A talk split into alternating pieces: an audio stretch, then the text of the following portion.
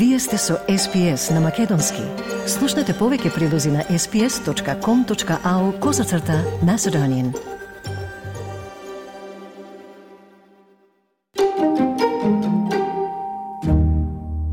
Австралиците го отфрлија предлогот за воведување на домороден глас при парламентот во Уставот.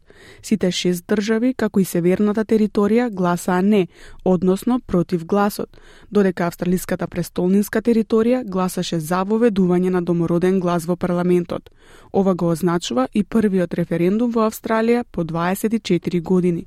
Во Тазманија, една од гласачите вака објаснува зошто гласала не на референдумот. I've talked to a lot of people, and I don't think this should have even been a thing.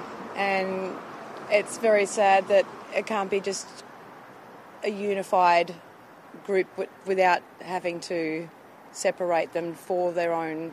I don't think the Aboriginal community want that to happen. Мнозинството гласачи во Тазманија и останатите држави, вклучувајќи ја и северната територија, го делат оваа чувство – но наспроти на нив, со мнозинство гласови за, австралиската престолнинска територија го подржа гласот.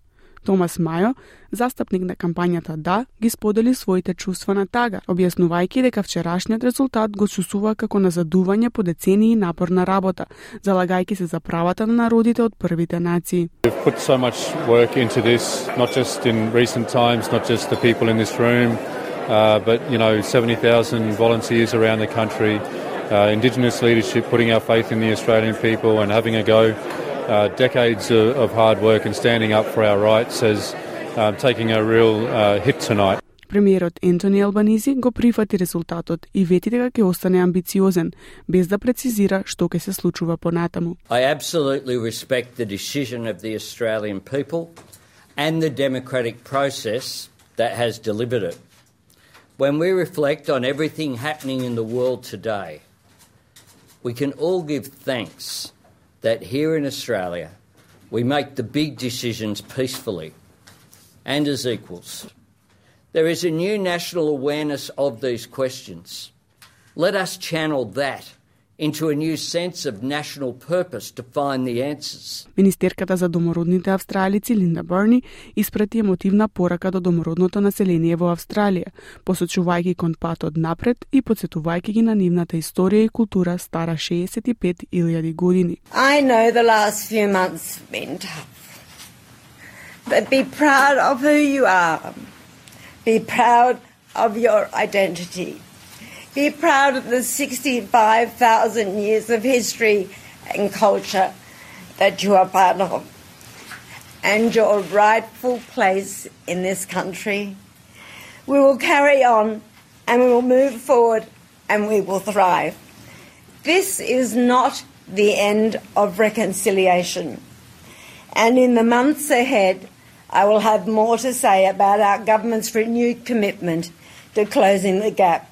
Лидерот на опозицијата, Питер Датон, позитивно гледаше на резултатот. At all times in this debate, uh, I've levelled my criticism at what I consider to have been a bad idea to divide Australians based on their heritage or the time at which they came to our country. The coalition, like all Australians, wants to see Indigenous disadvantage addressed.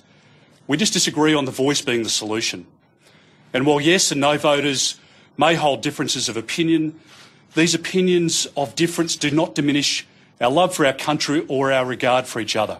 Сенаторката Джасинда Напи Джимба го поздрави категоричното не за референдумот. They've said no to division within our constitution along the lines of race. They've said no to the gaslighting, to the bullying, to the manipulation.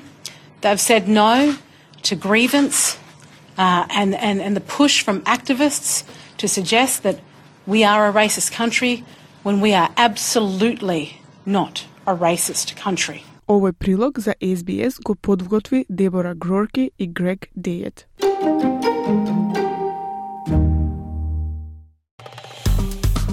Стиснете, ми се допаѓа, споделете, коментирајте. Следете ја SBS на Македонски на Facebook.